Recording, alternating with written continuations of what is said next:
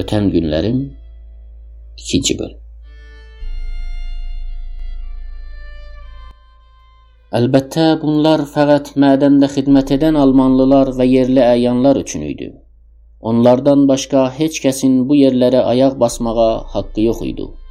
İşçilər və başqa siniflər də tətil günlərində Tarqavalla Göyəli bulağının başında, eləcə də tarlalarda öz busatlarını qurar, oxumaq, çalmaq ilə əylənirdilər. Ətraf kəndlər hələ də qara çıraq işığına qənaət edib keçinsələr də, burada bərq işığından hamı istifadə edə bilirdi. Öz dediyinə görə atam Yunus ilk gəlişində bu mədəndə sadə bir karger kimi işə girir. Rus əlifbasını öyrənə bildiyindən tərəqqi edib ambardarlığa təyin edilir. Biraz varlandıqda vətən sevdasına düşür. İki baş yaxşı at alıb kəndə qayıdır. Özü ilə gətirdiyi atlardan biri Şuca Nizam atlılarının nəzərini özünə cəlb edir. Hakimə xəbər verirlər. Şuca Nizam adam göndərib atı istəyir. Atam atlardan birini verir. Ancaq o at nəzərdə tutulan at olmadığından özünü istəyirlər.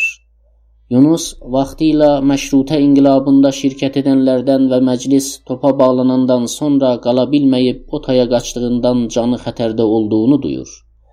Ələ düşməmək üçün gecə ilə atı minib arazı yararaq şimali Azərbaycana qayıdır. Bu onun vətənə son görüşü olur. Bu dəfə o azad iş fikrinə düşür. Bir nəfərlə şərik olub çörəkçi dükanı açır. İşi tutur. Vətənə qayıtmağa cürət etmədiyindən anası Səkinənin arzusunu yerinə yetirmək niyyəti ilə Məşhəd ziyarəti havasına düşür. Kəndə kağız yazıb əmimdən bizi gətirməyi xahiş edir.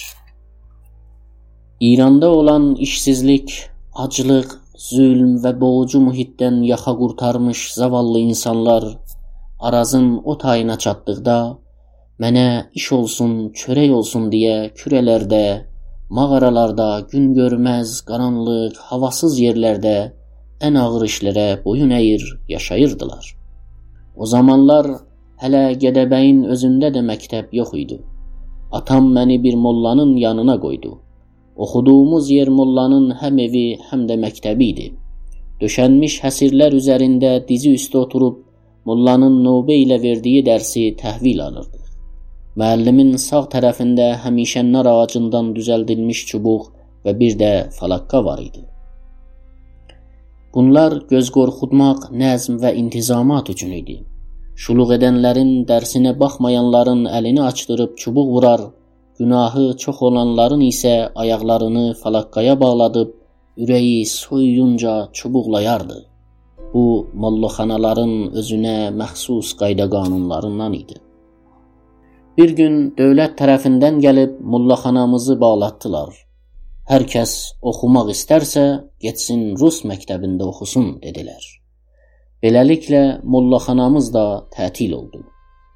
Mən Gədəbəyi bu qədər təriflədikdə elə düşünülməsin ki, Şimali Azərbaycan başdan-başa zülm, sitəm və istibdaddan yaxa qurtarıb hər yerdə həyat insanların üzünə gülürdü. Yox. Azərbaycanın kənd və şəhərləri Tezar Rusiyasının dəmir pəncəsində çinovnikdən və jandarm atlılarının dırnağı altında titrəyir, əzilirdi. Ağır vergilər xalqın belini sındırırdı. O zaman Şimali Azərbaycanda bir müstəmləkə halındaydı. Rusiya imperatorluğu hələ sənaye cəhətdən geridə qaldığından Gədəbəy mədənlərini Alman kompaniyalarının inhisarına vermişdi. Onlar yeraltı mədənlərin tükənməz sərvətinə sahib olmaqla istismar və talan yolu ilə əldə etdikləri hesabsız sərvət xatirinə məhz özləri üçün Gedəbəyi behiştə döndərmişlər. Gedəbəyə əliboş lüt gələnlər az bir müddətdə varlandıqları üçün bura Gedəbəy adı verilibdir. Dünənki gedə bugünkü bəy olduğu üçün. Əlbəttə bu bir rivayətdir.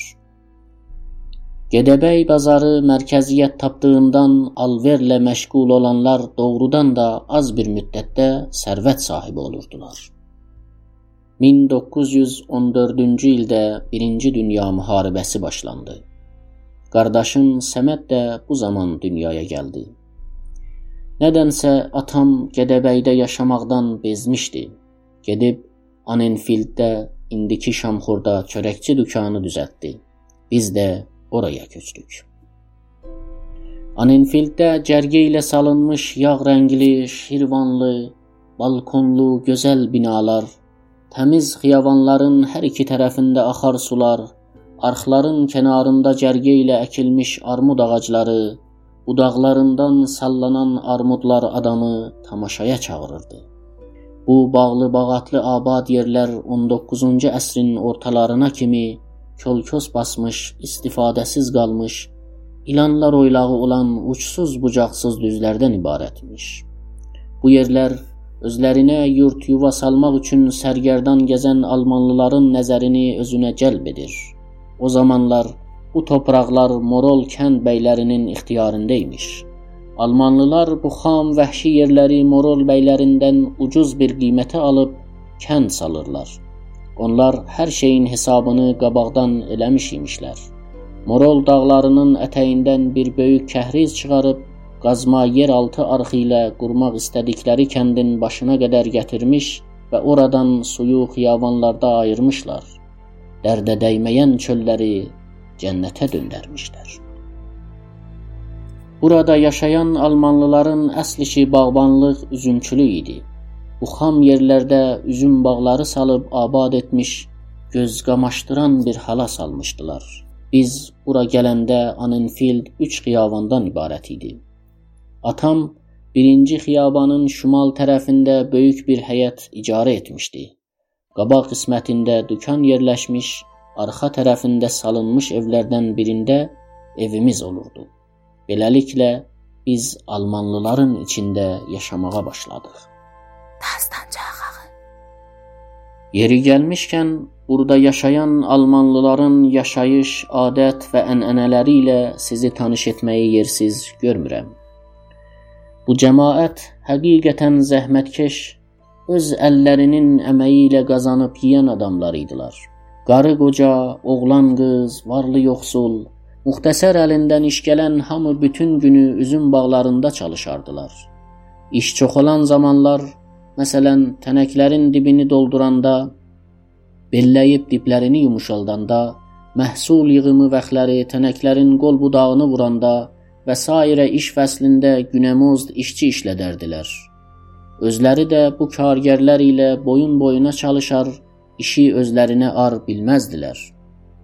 Oğru və maleyvan hücumundan qorumaq üçün 100 hektarlarla kəndin cənub və qərb tərəflərində salınmış bağlarının dövrəsinə başdan başa tikan kollarından qalın keçilməz çəpər çəkilmişdi.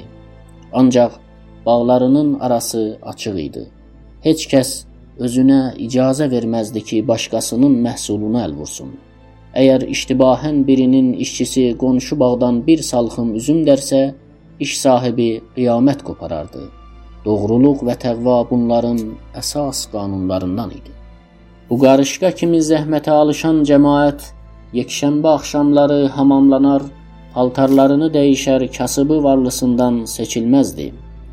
Əyləncə gecələri qurub taylı-taylı ilə dəstə-dəstə çalar, oynar, əylənərdilər. Cavan oğlanlar, qızlar əllərində qarmon xiyavanlarda gəzər, çalıb xor ilə oxuyar, oynayar, bir həftəlik yorğunluqlarını bədənlərindən çıxarardılar. Görüşlərində qız və oğlanlar nə qədər ki nişanlanmayıblar, azad bir halda öz istədikləri ilə gəzər və oynardılar. Ancaq nişanlanandan sonra nə oğlanın, nə də qızın başqası ilə gəzib oynamağa haqqı yox idi. 5-6 ay nişanlı qalar, bir-birlərini lap yaxşı tanıdıqdan sonra toy edib evlənərdilər. Ömürlərinin sonuna qədər həyat yoldaşı olar, səadətlə ömürlərini başa verərdilər. Biz uzun illər onların arasında yaşadıq. Bu müddətdə bir arvadın təlaq aldığını, nə də bir kişinin arvad boşadığını görmədik.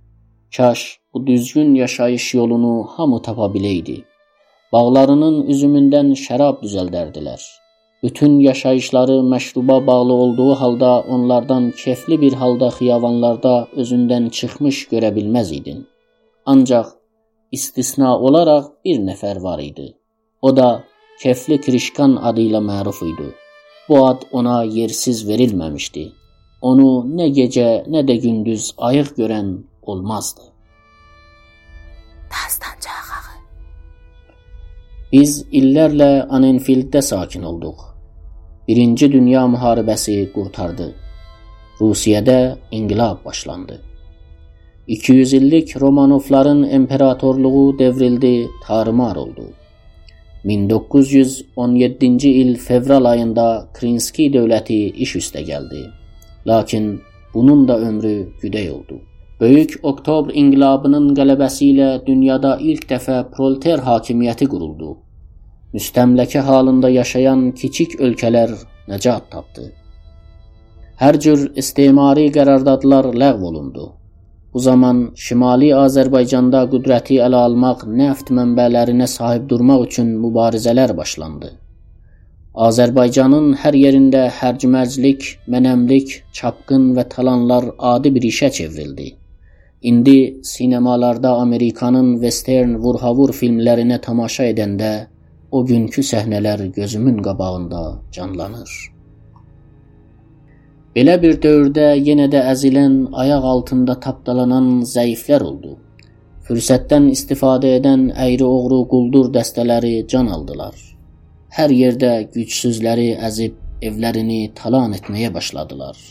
Bu sıralarda Cənubi Azərbaycanlılara da Tat İran ermənisi adı qoyub dükanlarını dağıdıb talan etməkdən çəkinmirdilər.